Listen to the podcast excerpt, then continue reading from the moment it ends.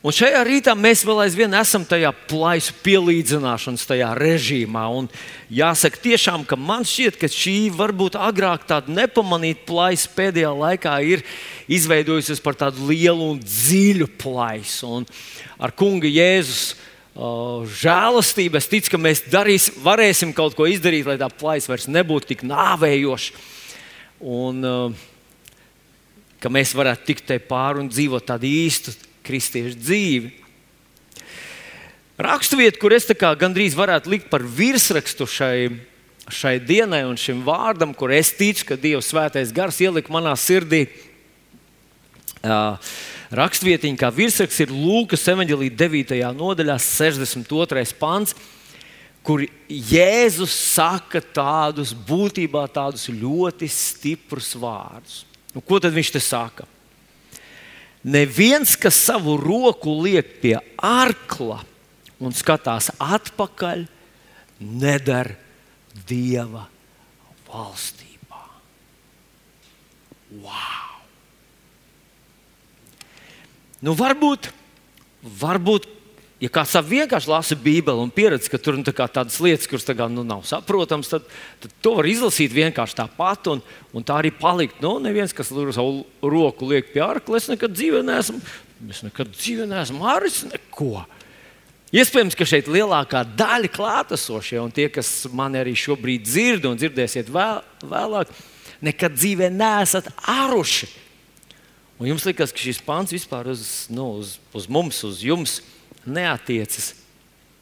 Bet, ja tu tā drusku vairāk esi iedziļinājies jaunās derības tajā visā tajā vēstī un tajā kontekstā, tā viņš šķiet, ka šie vārdi viņi kā, viņi ir ārpus jaunās derības konteksta. Viņi tā kā neiedarās tajā jaunās derības vispār tajā koncepcijā. Neviens, kas savu roku liek pie arkla un skatās atpakaļ, nedara Dieva valstībā. Tie ir skarbi vārdi būtībā. Mēs taču esam pieraduši vai sagaidām, ka viņš teiks, nu, ik viens, kurš savu roku liek pie ārkla, der dieva valstībā, vai ne? Bet te ir pilnīgi tāds pretējs apgalvojums. No romiešiem 10, 13 rakstīts, jo ik viens, kas piesaugs tā kungu vārdu, tiks izglābts. Tas ir halleluja! Bet kā tas ir uzrakstīts šeit? Kāpēc tādi smagi, stipri vārdi?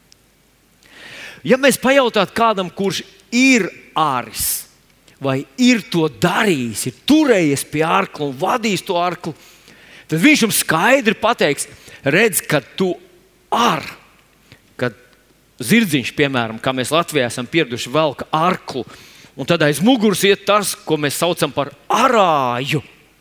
Tas arājs ir tas, kurš to vagu notur tur, kur viņai ir jābūt. Es agrāk domāju, ka tas ir zirgs. Kad tas zirgs viņš ir tāds, zina, ka jāiet turp un atkal gar pašu maliņu, atkal atpakaļ un atkal turp un atpakaļ. Nē, nē, arājs saka, arājs ir tas. Un, lai tava vaga būtu taisna, tu nevari skatīties pa labi, ne pa kreisi. Kur nu vēl skatīties atpakaļ? Tad tev vaga būs kurmju rakumi, un tas nebūs labs darbs. Citiem vārdiem, ja tu gribi būt veiksmīgs arājs, tev jāfokusējas, tev jākoncentrējas uh, uz, uz to, kas tev priekšā, ja tu gribi būt veiksmīgs un izdarīt labu darbu. Ziniet, es atkal ticu, ka šeit nav rakstīts, šis pāns nerunā par glābšanu. Neviens, kurš savu roku liek pie arkla un tad palaiž to vaļā, nav glābts. Tas varētu varbūt piestāvēt tādas mazas draudzes, dusmīgam, aizvainotam mācītājam, uz kuriem dievkalpojumiem cilvēki nenāk. Tad viņš saka, ah, tā, neviens, kurš at, neatnāca uz dievkalpojumu, tie visi iet uz zeli, kas neiespieda laiku, man neielika manos prediķim. Tie visi pazušanā. nu, Jēzus tāds nav. Un Jēzus, manuprāt, gribētu glābšanu piedāvāt maksimāli visiem. Un tā, to viņš tiešām arī dara. Dažkārt ar mums cilvēkiem ir savādāk. Mēs gribētu tikai pašiem, pašiem, pašiem. uzticīgākajiem iedot to glābšanu, kā tādus zilumu, nu, zilos graudiņus. Kā līdz permangam nāca, atcerieties, lielā bļodā iebēra dažas graudiņas. Tā mēs gribētu dot glābšanu, lai viņi turās. Jēzus ir savādāks. Es gribu teikt, ka šie vārdi, kur izklausās pēc tāda skarba brīdinājuma, ir brīdinājums mums. Jo Jēzus grib, lai mēs esam veiksmīgi Dieva valstībā. Lai to Dieva spēku un to žēlstību, ko Viņš ir dāvinājis saviem ļaudīm, lai mēs to savā dzīvē piedzīvotu, realizētu. Un tieši par to šodien es gribētu runāt. Un es gribētu, ka mēs ar tevi, es ļoti vēlētos, mīļais, mans brāl un māsa. Es ļoti vēlētos, lai mēs ar tevi nebūtu tie, kas atkārto to kļūdu, kur daudz pirms mums ir izdarījuši, ka viņi nav mācījušies no citu kļūdām. Mēs neesam Dieva valstības pionieri. Tieši otrādi, jau lielākā daļa no glābtajiem cilvēkiem, no varoņiem ir gājuši mums priekšā. Mēs varam skatīties uz viņu piemēru, mācīties no viņu kļūdām. Daudzi neveiksmīgi cilvēki ir kaut ko zaudējuši Dieva valstībā, un arī ir bijuši mums priekšā. Mēs atkal varam mācīties no vēstures. Un es ļoti ceru, ka mēs ar tevi nebūsim tie, kas neko nemācās no citu kļūdām un pielaiž atkal savā dzīvē tās pašas. Šodien gribu paskatīties uz vienu tādu ļoti spilgtu piemēru. Vismaz nu, man tas atklājas kā ļoti spilgta, tāda silta, stiprinoša un iedrošinoša gaisma, kas no vēstures apspīd mūs, kas mēs ejam pa šo ceļu un iespējams sastapsimies ar tieši tiem pašiem izaicinājumiem. Un mēs tiksim ar tiem galā, ja mācīsimies no citu piemēru.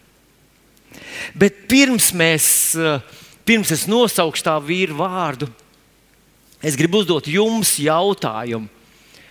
Un tas jautājums man ir tāds, kas ir tas, ko mēs varam sastapt vienīgi decembrī?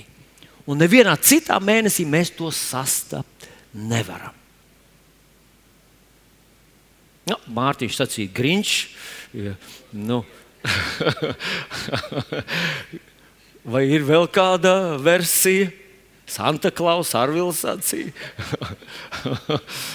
nu, e, es, es uzreiz redzu, mēs esam ļoti erudīti tāda grupa, jā, tiešām zinoši cilvēki. Bet nu, tas, man, man tā doma bija daudz vienkāršāka, ka vienīgi decembra mēnesī ir burtiņš D, un nevienā citā mēnesī eh, burtiņa D nav. Bet kādam mācītājam arī runājot par sastapšanos, iznāca tā pavisam nelāgi. Un, lai, gan, lai gan man nav neviena slikta vārda, ko par to vīru teikt, kaut kā viņam sanāca tā izteikt. Tā, un, un uh, tas cilvēks, ar ko viņš runā, iz, izdarīja tādu, tādu, tādu, nu, tādu pārāk tādu nozīmīgu secinājumu no tā visa. Nu, kā tas gadījās? kāds mācītājs sastaps savus draugus locekli. Un tas draugs loceklis viņam prasa, mācītāji, sen neesmu redzējis diakonu Jānu. Kad jūs tagad sastapsiet to diakonu Jānu? Mācītājs tā apstājās, savilka tādu drūmu seju un teica, diakonu Jāni, es vairs nesastapšu nekad. Diakons Jānis ir aizgājis uz debesīm. Vajadzēja dažas sekundes, un draugs loceklis sacīja, mācītāji. nu, es nezinu, ko jūs būtu domājuši. Ja jūs mācītājs teikt, ka viņš nekad nesastaps to, kas ir aizgājis uz debesīm, bet eh, jūs pavisam droši sastapsiet diakonu Jānu vienā dienā. Jo mēs taču ar tevi iesim uz debesīm, vai ne? Ko tu plāno iet uz debesīm? Vai tu domā, tu dabūsi vakcīnu un tad tu būsi nemirstīgs uzreiz? Nu, kā mēs zinām, arī ar vakcīnām cilvēki aiziet mūžībā. Uh, tagad mums par to ir jāpadomā arī, mē, kur mēs būsim, kā mēs būsim, ar ko mēs tur būsim. Bet ir vēl kāds cilvēks, ko mēs pavisam droši sastapsim, kad aiziesim uz debesīm. un tas būs Daniels. Vecās derības vīrs, kur vārds ir Daniels.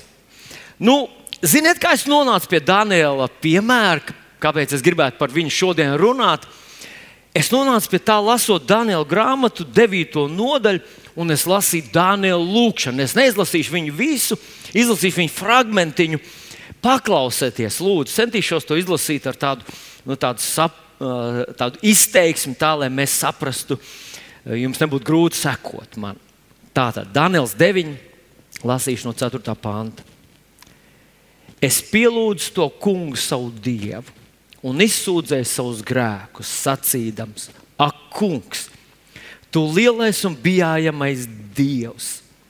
Kas uztur savu derību un parāda savu žēlstību tiem, kas tevi mīl un pilda tavus baušļus.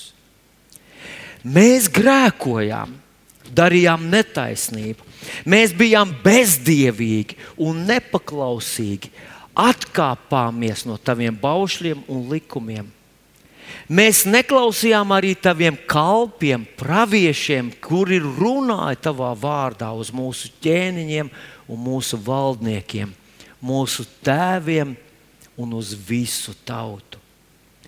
Tavā pusē, kungs, ir taisnība. Mums atliek tikai kauna sārtums vaina, vaigā, kā tas šodien redzams sejā jūdas vīriem, Jeruzalemes iedzīvotājiem un visiem izrēliešiem, tuvumā un tālumā, visās zemēs, kur tu tos esi izklīdinājis viņu neusticības dēļ, ar ko tie pret tevi ir apgrēkojušies. Ak, kungs, mums jānosargstais kauna mūsu ķēniņiem, valdniekiem un mūsu tēviem, ka mēs pret tevi esam apgrēkojušies bet tā kunga, mūsu dieva rokā ir žēlastība, atdošana, kaut gan mēs esam bijuši viņam nepaklausīgi. Nu, tad lūkšana turpinās, bet apmēram tādā pašā garā.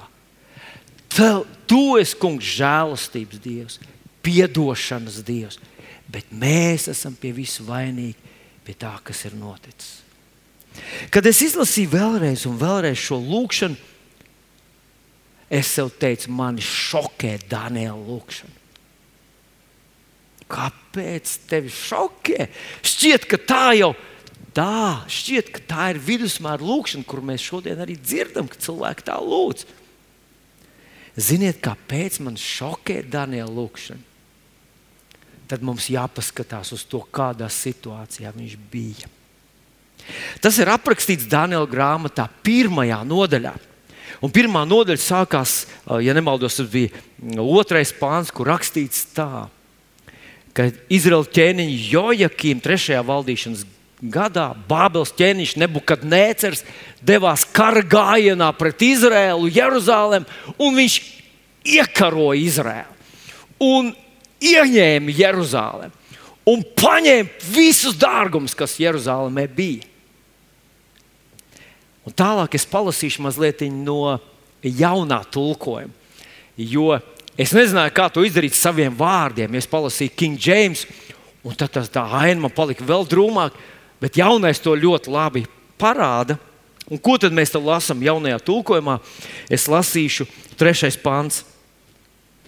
Ķēniņš pavēlēja Einuhu priekšniekam atlasīt no Izraēla dēliem no ķēniņa un augstmaņu dzimtas, jaunekļus bez nevienas vainas, izskatīgus, gudrībā izveicīgus, zinīgus un saprātīgus mācībā, spējīgus kalpot ķēniņa pilī un mācīt tiem kaldiešu rakstus un valodu. Ķēniņš noteica dienas tiem dot tiem lieliskus ķēniņa ēdienus un vīnu, ko viņš pats dzer trīs gadus, lai spēcina viņus, un kad mācību laiks būs beidzies, lai tie stājas ķēniņa priekšā. Starp jūdas dēliem bija Daniels, Hananievs, Mišēls un Azarija. Septītais pāns. Ēnuhu priekšnieks deva tiem citus vārdus. Danielam Belčatsārs, Hananijam Šadraks, eh, Mīšēlam Mešaks un Nazarjam Abednego.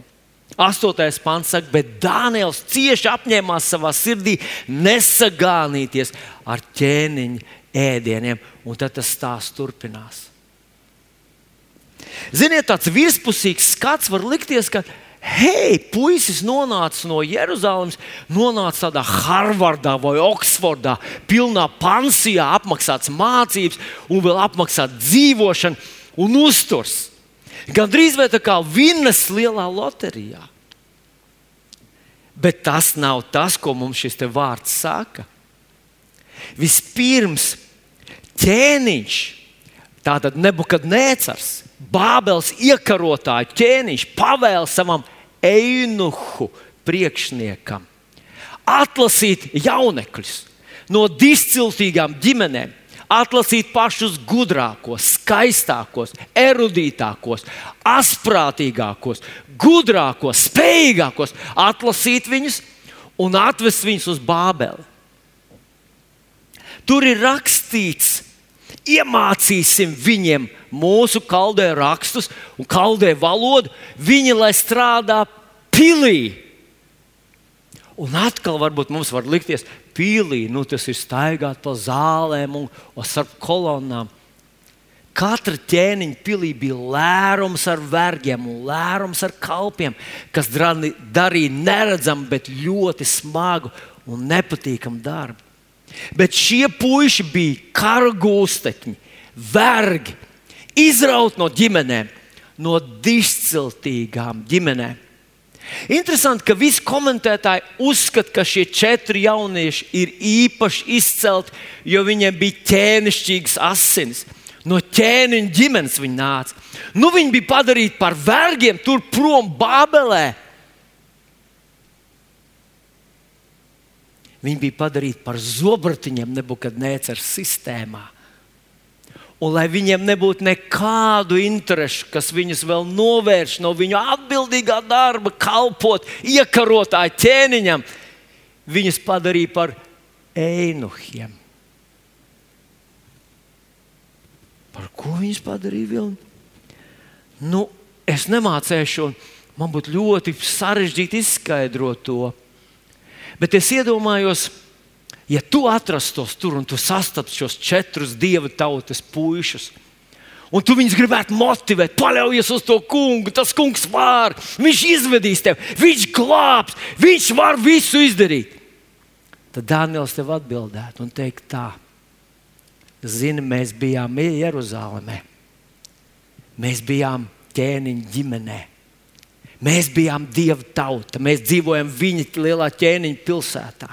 Dievs mūs nodeva, Dievs pieļāva, ka mūs atved uz šejienes. Dievs izkaisīja visu tautu pa visu pasauli. Mēs pat nevaram sev ēst, pagatavot tā, kā tas ir mūsu bauslībā uzrakstīts. Mums tiek ieliets un mums tiek ielikts, ko ēst. Un, ja mēs gribam ēst, tad mums ir jādara to, ko mums dod mēs esam padarīti par zobratiņiem, naidīga ķēniņa administrācijā. Mums nav pašiem savu domu, un starp citu, mēs esam padarīti par ēnuhiem. Un, ja tu esi lasījis 5. mūža grāmatas 23. nodaļas 2. pantu, tad tu zini, ka tieši par mums tur ir uzrakstīts, ka tādi nekad, lai Dieva draudzē nenāk. Un tu gribi, mani motivēt, lai es palieku uzticīgs un uzticos un ticu Dievam. Es nezinu, ko tu atbildētu tajā situācijā Danielam, bet ir interesanti ar visu to, ka tam puisim atņēma visu jau manis pieminēto, viņam atņēma arī viņa vārdu. Viņš vairs nav Daniels.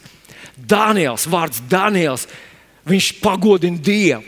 Daniels nozīmē tas kungs, tavs tiesnesis, Jahve, tavs tiesnesis, vai Jahve tiesās, vai Jahve tiesā.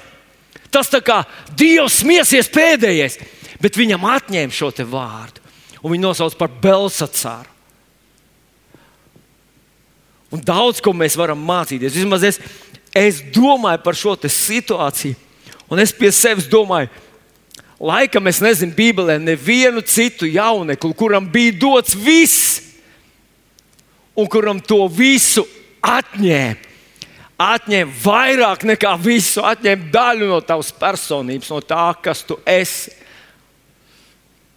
Un tomēr viņš palika uzticams Dievam un ticēja viņam. Laikam nav otra vīrieša un nav otra dieva kalpa Bībelē, kuru eņģelis atnāca pie viņa. Nebūtu divas reizes uzrunājis vārdos, kurus mēs neesam dzirdējuši nekur citur. Un tas ir tu mans ļoti iemīļotais vīrs, Daniels. Tu ļoti iemīļotais vīrs, Daniels. Mums Daniels, protams, asociējās ar vīru lauvu bedrē. Un parasti mākslinieki viņu attēlo kā tādu cilvēku, kurš ir sirmu bārdu, tādu sirmu galvu. Viņš tā tad ir tur starp lauvām, un viņš runā uz augšu. Un ķēniņš no rīta ir atskrējis pie tās lauvu bedres un savus Dānielu, tu dzīvā dievu kalps, vai tavs dievs tevi ir pasargājis. Un Dānijas atbild viņam, ķēniņš, lai dzīvo mūžīgi. Mans dievs ir mani izglābs no lauva rīklas un tā tālāk. Bet pētnieki ir izrēķinājuši, ka Daniels Bābelē kalpoja 65 gadus vai ļoti tuvu tam. Tas nozīmē, ka tad, kad viņš Jeruzalemē tika saņemts par gūstekni, viņš bija apmēram 10 plus mīnus desmit gadu vecs zēns, kurš izrauts no ģimenes, padarīts par kargūstekni, vergu un vēl arī to svešvārdu. Aizvest tālu prom svešā zemē, kuram atņemts visas personīgās intereses. Un tomēr vienu lietu viņam nevarēja atņemt. Daniels jums pateiks šodien, kas mūs šķirs no Dieva mīlestības ne ciešanas, bats, plikums, briesmas, zobens. Ko viņi var visu jums nodarīt? Viņi var nodarīt. Vienu viņi jums nevar paņemt prom. Jūs saikni ar jūsu radītāju. Un es domāju, mums brīžiem ir grūti noticēt, lai gan mēs atbilstam visiem apsolījumu kritērijiem. Bet, ja par tevi būtu uzrakstīts pāns, ka tieši tu neiedaries, tev nepieder, tu nevari, Cik daudz spļaut uz debesīm un iet uz zeli, bļaudam un sadumpojušies pret Dievu. Bet Dāniels tā nedarīja. Viņš palika uzticams Dievam, lai gan bija speciāls pants.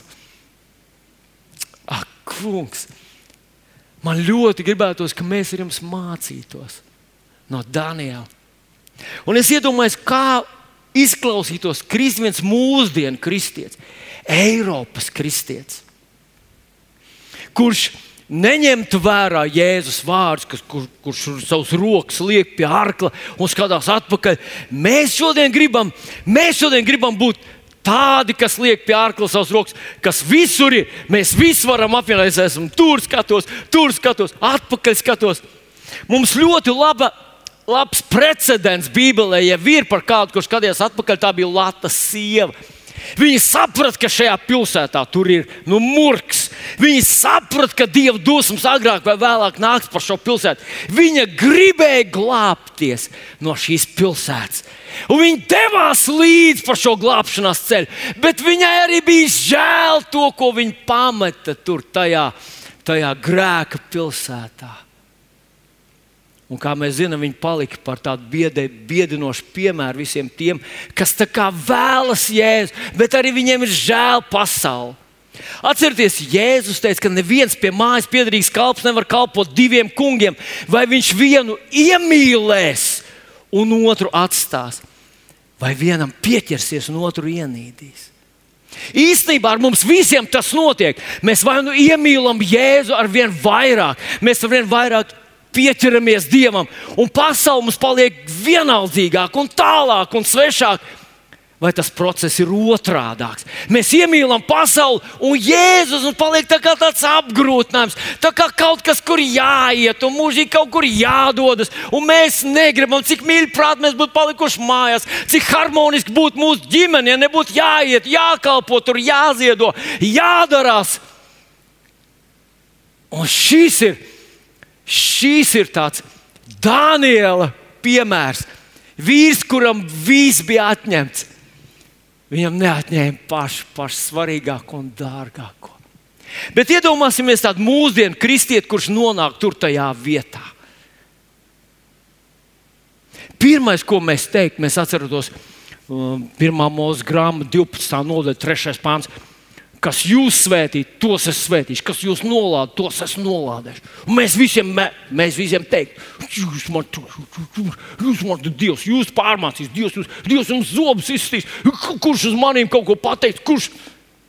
Iedomāsimies tādu mūsdienu kristieti iemet tajā lauva bedrē, un no, no rīta atnāk ķēniņš un saka viņam, hei, tu, Daniel, kā tev tur klājas? Ko mēs viņam teiktu? Nu, man klājas labi, kā jau divu bērnam, bet tev ķēniņš un tām visam ģimenēm, un visiem taviem bērniem, un visiem taviem galveniekiem klāsies sūdīgi patiešām. Jo mans dievs ir tagad saniknojis visu nakti. Viņš vilkās, uzvilkās, uzvilkās. Dievs tiešām tagad ir nikns. Nu, es tavā vietā bēgtu ilgi un tālu. Vai ne? Mums liekas, pats, kā viņi drīkstē man kaut ko nodarīt. Man kaut ko nodarīt! Pareizi? Tā nav. Tā nav. Mūsdienās tas tā ir svēta lieta. Don't touch me! Es esmu īpašs.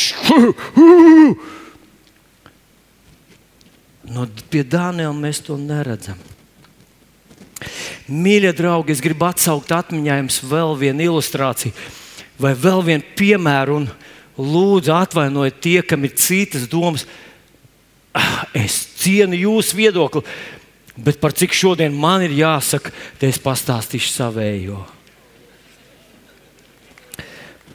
Es gribu pieminēt to situāciju par iepriekšējo Amerikas prezidentu Donaldu Trumpu. Viņš bija, es pateikšu godīgi, viņš bija mans, nu, saka, mans favorīts.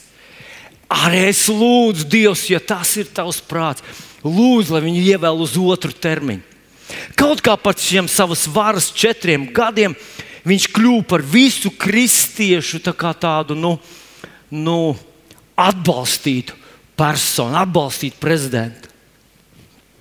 Ziniet, tāds manā, kā tādā mācītāja uztverē, tas bija īpašs gadījums pagājušajos Ziemassvētkos, kad uh, Amerikas Savienoto Valstu pasaules lielākās, jaudīgākās impērijas, jaudīgākās valsts galva pateica savu apsveikumu runu uh, Ziemassvētkos, tad pēc viņa uzstājās Maiks Pence, tas kā valsts sekretārs, vai, ja es pareizi atceros, otrā persona. Nu, es, es uzdrošinu, vai es neesmu ļoti politiski izglītots, un man atvaino tie, kas labāk saprot, un ja es kļūdos, bet manuprāt, planētas otrais cilvēks sacīja tādus vārdus. Nu, Izspriežot pēc tā visa Covid situācijas, jūs nebūsiet spējīgi aiziet uz dievkalpojumu. Daudzās pilsētās un daudzos štatos ir tas nu, tā saucamais lockdown. Draudzes ir cieta. Un tad šis pre Amerikas prezidenta otrais cilvēks sacīja vārdus, kas rezonē laikam visas pasaules mācītājas sirdīs. Viņš teica, bet savu ziedojumu uz draugiem aizsūtiet, viņiem to vajadzēs. Es nespēju noticēt saviem vārdiem, sav, savām ausīm. Viņš teica, parūpēties par draugiem. Viņiem vajag jūsu ziedojumu. Es runāju ar savu dra, ar savu draugu, tagad viņš jau ir mūžīgā, mūžībā mācītājs Edvards Vaiss. Kad mēs runājam par Amerikas prezidentu, viņš teica, nav otra tādu. Man šķiet, viņš saka, visā Amerikas vēsturē nav otra tāda prezidenta bijis, kurš tik ļoti pozitīvi ir attiecies pret kristīgo draugu. Nav brīnums, ka mācītāji visā pasaulē bija sajūsmā par viņu. Nav brīnums, ka cilvēkiem sariesās asaras acīs, un visas pasaules kristieši bija gatavi par viņu balsot un viņu atbalstīt. Un lēnām vien tā situācija nonāca līdz tam, ka Amerikas redzamākie apmēram 40 pravieši pravietoja, ka Dievs ir izredzējis, ka Donalds Trumps būs prezidents vēl nākamos četrus gadus. Dievs viņu ir izredzējis, Dievs viņam dod vēl vienu termiņu, Dievs caur viņu izdarīs savu darbu. Dievs, Dievs ir īpaši svaidījumu uzlicis Amerikas prezidentam. Viņš sakārtos visu to, kas līdz tam ir sadarīts aplam. 40 pravieši. Kad es, es Dažus no viņiem paklausījos. Bija cilvēks, kurš atbrauc no citas valsts, no Indijas, un saka, es neko nezinu par Ameriku, neko nezinu par jūsu pravie, pra, prezidentu. Bet Dievs man teica, lai es atbraucu un jums pasaku, ka prezidents Donalds Trumps būs prezidents otro termiņu. Otro termiņu. Un, zinat, ja 40 pravieši jau pravieto, un tu esi atbraucis no pasaules otra gala, kāda vajadzība Dievam tevi sūtīt uz turieni? Lai tu vēl būtu 41. un saki, Donalds Trumps būs jūsu prezidents. Tā jau visi stāv uz ausīm par Donaldu Trumpu. Es runāju par kristiešiem. Visi ir gatavi darīt visu. Kā mēs visi zinām, Amerikā vairs nav Donalds Trumps, netika ievēlēts otrajā termiņā. Un es neesmu tas, kurš saka, ka tur viss bija ļoti godīgi, vai tur nebija kaut kas godīgi. Es neko no tā nezinu, man nav nekādu faktu, es neesmu ļoti iedziļinājies tajā. Bet, zinot, es esmu pamanījis, ka kādreiz, tad, kad tu brauc ar motociklu un tev kāds apdzen, tad tu domā, pagaidi, vai viņš to izdarīja godīgi. Un tad vienmēr tam, kurš tev apbrauc, tev, tam, kurš paliek, tev liekas, jā, bet tā jau nevarēja to darīt. Vai kaut kas savādāk. Ir vienmēr kaut kāda tāda sajūta, vai tā ir šajā reizē, es nezinu. Bet pavisam nesen es noklausījos Maikla Brauna. Starp citu, ļoti kristīgs, ļoti līdzsvarots, biblisks, īsts, kristīgs komentētājs, kurš skaidro šo situāciju.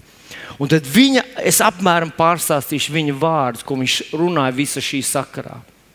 Viņš teica, visi tie 40 pravieši pravietoja, ka Dievs viņu ir izredzējis, Dievs viņu ir aicinājis, Dievs viņu ir nolicis, Dievs ir izlēms, Dievs viņu sūtīs, Dievs liek, Dievs tā dara. Neviens neko nevar stāvēt pretī, ja Dievs tā grib. Un tad tas nenotika tad daudz no viņiem tieši tāpat kā Donalds Trumps neatzina savu sakā. Daudz no tiem praviešiem neatkāpās. Viņi teica, o, viņi sauca datumus vienu pēc otra, sauca datumus, kad izšķirsies, kad nāks gaisma krāpšana, kad tas viss tiks nolikts pie vietas. Amerikas kristīgie mācītāji, es pats noklausījos vismaz divus tādus video rullīšus, kur kāds mācītājs stāsta apmēram tā Man ir pieeja tur visai tai slepenai informācijai. Es to nesaku pats no sevis. Tas nav pravietojums. Es zinu reālus faktus. Tur ir Nacionālā gvarda iesaistīta, tur visur būs. Drīz jūs redzēsiet tādu apvērsumu, visi tiks saņemti gūstā. Visi tie, kas to visu krāpšanos organizējuši, viņi visi sēdēs cietumā. Viens gāja vēl tālāk. Viņš teica, tur būs Eiropā daudz pirmās personas ap, apcietināts līdz pat Romas pāvestam. Tas arī piedalījies tajā krāpšanā, tas arī sēdēs cietumā. Vienmēr sakot, kristieši bija gatavi tādam īstam militāram apvērsumam. Ir kristieši, kas pirka ieročus, gatavojās uh, rezerv, degvielas rezerves, gatavojās, ka tagad nu, vajadzēs atkal pierādīt to, pilsoņu karš sāksies, un tad mēs pierādīsim, ka Donalds Trumps ir prezidents, būs prezidents, dieva prezidents un ne cilvēka prezidents. Un šis Maikls Brauns saka, paklausieties, kas ar mums notika. Mēs lēnām pacēlām Donaldu Trumpu sev par dievu. Viņš teica, ka pirms otrajām vēlēšanām es uzrakstīju grāmatu, kuras virsraksts bija Donalds Trumps nav mans glābējs. Jums vajadzēja dzirdēt, kas gāzās par maniem. Kristieši no dažādiem sociāliem slāņiem, no dažādām vietām sūtīja man draudu ziņas. Uh, pravietoja man nelaimes, un pravietoja man visu kaut ko, nosauc man par bērnu slepkavu un komunistu un pārdevušamies un vēl vis kaut kā. Viņš teica, es pats balsoju par Donaldu Trumpu, bet paskatieties, ko mēs esam izdarījuši ar viņu. Mēs esam viņu padarījuši par elku, mēs esam viņu padarījuši par glābēju sev. Īstenībā mēs gandrīz vairs nesludinām Kristus evaņģēlīju, mēs sludinām Donalda Trumpa evaņģēliju. Viņš ir tas, kas izglābs Ameriku. Un tad viņš saka, tā, tas, ka Donaldu Trumpu neievēlēja vēl uz četriem gadiem, ir labākais, kas ar mums ir noticis.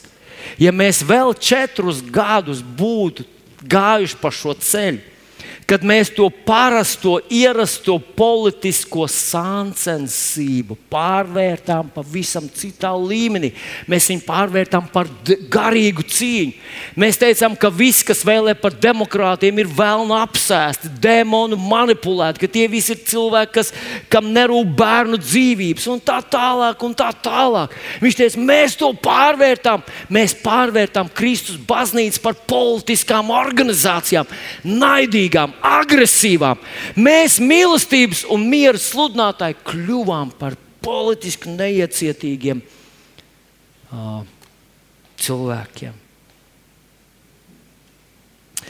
Jāņem Evanģelija 18. nodaļā Jēzus sacīja tādus vārdus: Mana valstība nav no šīs pasaules.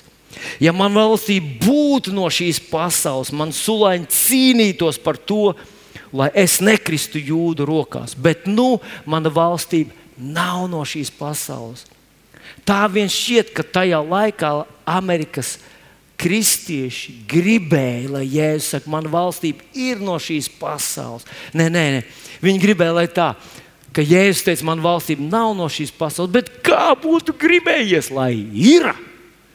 Kā būtu gribējis, lai Pēters cērtu ne tikai ausis, lai viņš cērtu galvas, lai viņi cīnās par mani, lai mēs panākam to savu ietekmi šajā pasaulē ar zobenu, šķēpa un ieroču atbalstu.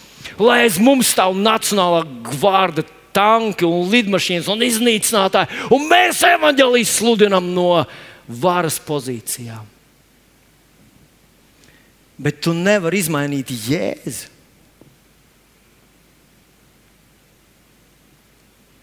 Tu un es varam mainīties. Un, ja Jēzus teica, mana valstība nav no šīs pasaules, ar garīgiem ieročiem nevar uzcelt fizisku valstību. Un fizisku valstību nevar uzcelt ar garīgiem ieročiem. Ja mēs gribam cilvēkus glābt, mēs nevaram to izdarīt ar, ar varu. Mēs nevaram to izdarīt ar likumspēku. Mēs nevaram to izdarīt ar, lik, ar, ar li, pieņemot likumus. Tas nav iespējams. Kad Jēzus atnāca, viņš teica, esmu lēmprātīgs, no sirds pazemīgs. Viņu varēja atraidīt, atraidīt bombas, un varēja atraidīt Herods, un Pilārs un Romiešu virsnieks. Varēja viņu atraidīt, bet daži viņu pieņēma, un daudzi viņu atraidīja. Vienu dienu Jēzus atnāks un viņš būs fiziski valdījis šajā pasaulē. Tāda diena atnāks, bet līdz tam mēs ar tevi vēl aizvien esam tajā laikā, kur mēs realizējam viņa garīgo varu.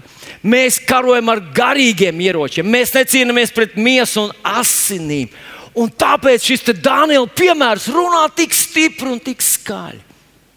Bet tagad, mīļais draugs, mēģini drusku man pasakot līdzi, jo tas, ko es tagad runāšu, ir tikai vienkārši manas pārdomas par to. Redzi, kad mēs lasām Cakarijas grāmatu 11.17. pantu, pētnieki viennozīmīgi attiecina šo pantu uz antikristu, uz to, kas nāk. Un tur uzrakstīti interesanti vārdi. Paklausies, kas tur ir teikts. Lai bēdas tam nederīgajam ganam, kas atstāja savu ganām pulku. Lai zobens skar viņa roku un viņa labo aci, viņa roka, lai kaltiņa sakalstu viņa labā aci, lai pavisam izdziest. Bībeles komentētājs ar šo te saista to nākotnes, to zvēra zīmi, kas būs jāspiež uz labās rokas, lai viņam nokals labā roka un kas būs jāspiež pie pieres. Tad tas būs kaut kas, kaut kas, kas vēl būs. Bet interesanti, ka te ir teikts, tam ganam, kurš ir atstājis savu ganāmo pulku. Viens no visbiežāk lietotiem apzīmējumiem, kur, kur Bībele lieto runājot par, par uh, antikristu, par šo pazušanas dēlu, jā, ir šis pazušanas dēls, grēka cilvēks. Jūs visi taču atceraties, kurš bija pirmais pazušanas dēls. Kurš tas bija? Tas bija Jūdas. Jēzus teica, neviens nav aizgājis kā vien tas pazušanas dēls, lai raksti piepildītos. Tātad Jūdas bija pazušanas dēls pirmais, un nākamais pazušanas dēls ir runa par antikristu, par to, kurš vēl stāv priekšā. Bet mēs interesanti redzam, ka Jūdas piederēja pie apstuļiem kādu laiku. Un viņš tur darbojās, viņš bija vistuvāk Jēzum. Visi domāja, apkārt stāvošie domāja, ka tie ir starp īpaši izredzētiem, īpaši lojālajiem Jēzum. Un tad vienā dienā Jūdas pieņēma aplam lēmumu, un viņš aizgāja prom no Kristus un nodeva viņu, pārdeva viņu. Vai varētu būt tā, ka šī sakarīs grāmatas pāns mums dod mājienu uz to, ka pirms tas antikrists kļūs par antikristu, ka pirms tam viņš būs tāds ļoti kristiešiem ļoti pozitīvs un pieņemams tēls. Cilvēks, kurš arī ebreju tautai, kā mēs zinām, viņi būs gatavi slēgt ar viņu līgumu, ka viņš panāks daudzas lietas, būdams it kā kristiešiem ļoti atbalstošs. Vai zinat, ko, mīļie draugi, mani brāļi un māsas? Donalds Trumps varētu būt ideāls antikrists. Sākums ir tieši tāds. Visi kristieši ir sajūsmā par viņu. Jā, jā, lai ko viņš darītu, mēs visu izskaidrosim, mēs visu attaisnosim, jo viņš taču cīnās par mums. Un varētu gadīties, ka viņš kaut kādā posmā nodod, vienkārši pieņem kādu lēmumu pilnīgi pretēji. Un tad viņš nāk ar to, tā kā Daniels saka, ka viņš pēkšņi nāks klajā ar pilnīgi Tā ir savā septiņu gadu posmā, kā mēs zinām, Antikrista valdīšana ir septiņi gadi. Trīs ar pus gadu visa pasaule par viņu būs sajūsmā. Viņš atrisinās problēmas, atnesīs vairāk miera, vairāk paēdinās cilvēks. Cilvēki vairs nemel, neskries pa pasauli, bēgļu straumes mitēsies. Un viss cilvēks teiks, šis ģēnijs patiešām atrisina mūsu problēmas. Ļaujam, lai viņš sakārto šo pasauli. Un tad tajā trīs ar pus gadu posmā viņš pēkšņi nostāsies tam pretī, lauzīs līgumu un nosēdīsies, nu, kā mēs zinām, nosēdīsies dieva namā, ieņems dieva vietu.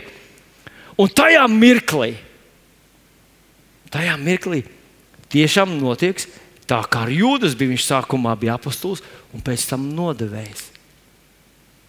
Redziet, ko mēs no tā varam secināt? Neko. Kāpēc mēs neko nevaram secināt? Redziet, kā ir ar Dievu. Kamēr cilvēks nav izdarījis, Dievam, Dievs ir vislielākās nevainības prezumpcijas aizstāvētājs. Kamēr Kains nav nogalinājis savu brāli, Dievs viņu uzrunā. Nedari tā, grēks guļ tev durvju priekšā. Bet tu valdi par to. Tu vari pieņemt gan šādu, gan tādu lēmumu. Un kamēr tu neesi pieņēmis nepareizo lēmumu, tu neesi noziedznieks. Mēs to redzam cauri visai Bībelē. Mēs redzam ar, ar, ar jūdas to pašu. Iespējams, ka tieši tāpat tas notiks ar šo nākotnes antikristu. Es domāju, ka mēs nevaram šīs lietas paredzēt, bet vienu, ko mēs varam izdarīt, mēs varam mācīties no Daniela. Jo redzat, arī jaunajā darbā Jēzus mūs ir atpestījis no slimībām, no grēka. Viņš mūs atpestīs no vecās, aplamās, grēcīgās dabas, no mūsu grēcīgām saknēm. Bet no viena, no kā viņš mūs nav atpestījis, viņš mūs nav atpestījis no vajāšanām. Un būtībā Jēzus saka, ka pienācās laiks, ka visā pasaulē kristiešus vajās. Iespējams, ka tas būs tā pavērsiena, tā straujā pavērsiena rezultāts, ka tas kļūs vispār globāls pasākums. Mēs to nezinām šobrīd, vai mēs zinām, kā tas notiks, tikai nezinām detaļas, kā tas notiks. Bet viena, ko es domāju, mēs varētu šodien mācīties no Daniela, ir tas, ka jā, viņi var tev nodarīt sāpīgi, bet viņi nevar atņemt tev pašu dārgāko. Un ja tu neļauj sev padarīt par upuri, ja tu nesaki, man visi dara pāri, man neviens nemīl, kā viņi šitā izturējās, mums neļauj pat uz dievkalpojumu nākt Ja tu vienkārši vienkārši saprot, ka šīs grūtības ir normāla lieta. Ja apelsīns Pāvils raksta uh, Timotejam, ja nemaldos, tas bija 3.12. 1. Timoteja 3.12. Jo viss, kas grib svētīgi dzīvot Kristu, Jēzu arī tiks vajāti, ka tas ir normāli, ka mums kaut kādas vajāšanas Kristus dēļ ir jāpiedzīvo. Un man gan žēl, ka daži uztver vajāšanas, kas nav nekādīgi saistītas ar Kristu. Nu, Piedomāj, iedomājieties, ja es viens svētdienas rīt braucu uz dievkalpojumu, pārkāpju ātrumu režīmu, man apstādina policists, viņš prasa man tiesības, un es saku, man atkal vajā Kristus dēļ. Tā taču tas nav. Es pārkāpu likumu, es varēju braukt lēnāk, bet es izvēlējos pārkāpt likumu, jo gribēju nonākt, jo izbraucu no mājām par vēlu un gribēju nonākt vienalga ātrāk dievkalpojumā. Šodien arī šur tur Un es nejaucos vairs iekšā, jo es neesmu aicināts būt par skolotāju visiem cilvēkiem.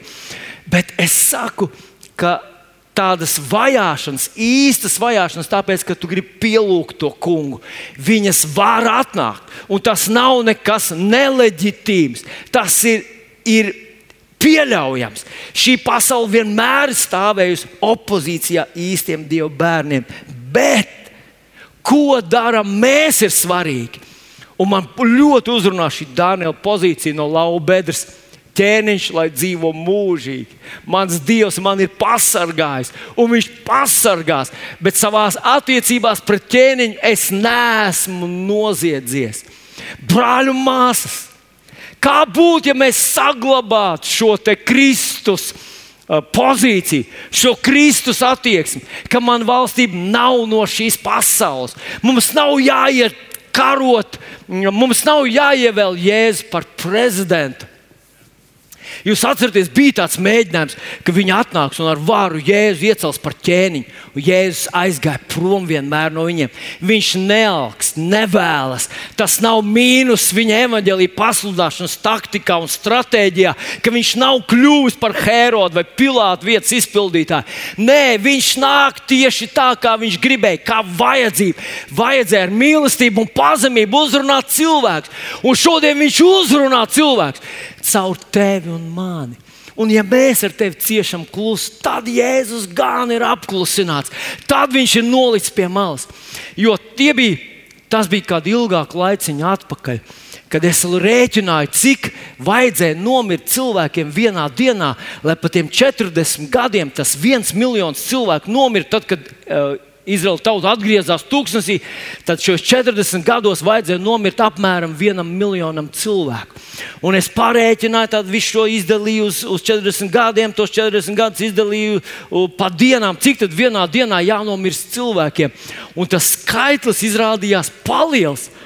Bet ziniet, kas man šokē pēc tam?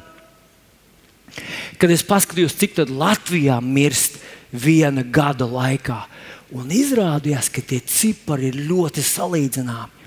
Cilvēki mirst. Cilvēki mirst. Nu, mēs vairāk par to dzirdam, tāpēc ka katru dienu mums ziņo, cik ir nomiruši ar covid, un bez covid, ar pocu un bez pocu bet mums nestāst vēl vispār, cik cilvēki mirst. Cilvēki mirst, cilvēki nemitīgi atstāj šo pasauli un dodas mūžībā. Un tikai kamēr viņi ir šeit, mums ir iespēja viņiem pieskarties, uzrunāt, kaut ko viņiem pateikt, nodot. Īsu mirkli viņi mums iet garām, un nākošajā mirklī viņi būs prom. Un pēc mirkļa mēs būsim prom.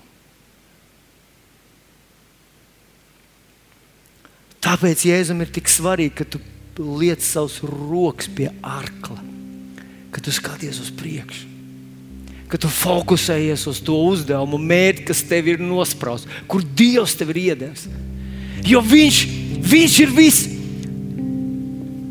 Kā man uzrunā tie vārdi no apakstuļu darbiem, ka Dievs ir tas, no kā nāk dzīvība, elpa un viss ka tu pazaudēji Jēzu, ka tu pazaudēji viņu kā savu personīgo glābēju, ka tev ir pagājusi diena, un tu neesi ar viņu no sirds izrunājies. Tu neesi viņam ļāvis pieskarties savai dvēselē, tu neesi viņam pieskāries. Ak, mīļais draugs, nē, tu uzreiz neej pazušanā. Bet tas ir tas dārgākais, kas tev vispār šajā pasaulē ir. Nav nekā lielāka, nozīmīgāka, nav nekā patstāvīgāka, nav nekā svarīgāka par viņu. Un tāpēc man gribētu pārfrāzēt to uzrakstīnu, ko es, ja es gan neredzēju, bet man stāstīja viens cilvēks, ka ir redzējis tādu uzrakstīnu uz bumperu, uzlīmīt, Dievs ir, es ar viņu šodien runāju. Man gribētu teikt, ka tev Dievs ir, ja tu ar viņu šodien esi runājis. Ja tu ar viņu šodien esi pieskāries viņa sirdī, viņš tev ir. Tad tev ir liela iespēja, ka tu nepazaudēsi savu fokusu. Un tev nevajag jēzus par prezidentu. Tu esi daudz efektīvāks tāds, kāds esi. Šis Maikls Brauns teica, mēs būtu atgrūduši no Dieva valstības, ja vēl četrus gadus šitādā režīmā mēs būtu neglābjami atgrūduši no Dieva valstības, no Jēzus miljoniem un miljoniem cilvēku.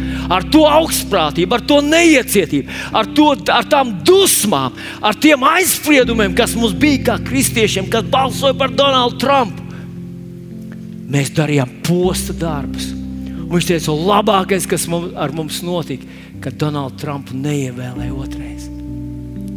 Labākais, kas ar tevi var notikt, ka tu uzticies kungam Jēzum, nodod savu dzīvi. Ka tavu nodošanās nav tā kā šaubīga, kā rīta vējš. Tu neskaties atpakaļ, ko tu esi pazaudējis. Tāpēc, ka tu kalpo Jēzum, ka tu ej ar viņu, ka tu lieto viņa metodas, ka tu meklē viņa vaigu. Tu kaut ko pazaudēji, jā, jo tu par to maksā ar dzīvi. Bet nav nekā jēdzīgāk, kam savu dzīvi atdot, kā viņš jo Viņš deva visu savu dzīvi par tevi un mani. Un šajā rītā es tevi izaicinu. Es tevi gribētu izaicināt, es gribētu nomest pie tavām kājām šo izaicinājumu, mans draugs, brāl un māsas. Romiešiem 12. nodaļas, 1. pāns, apelsīns Pāvils tur rakstīts vārds.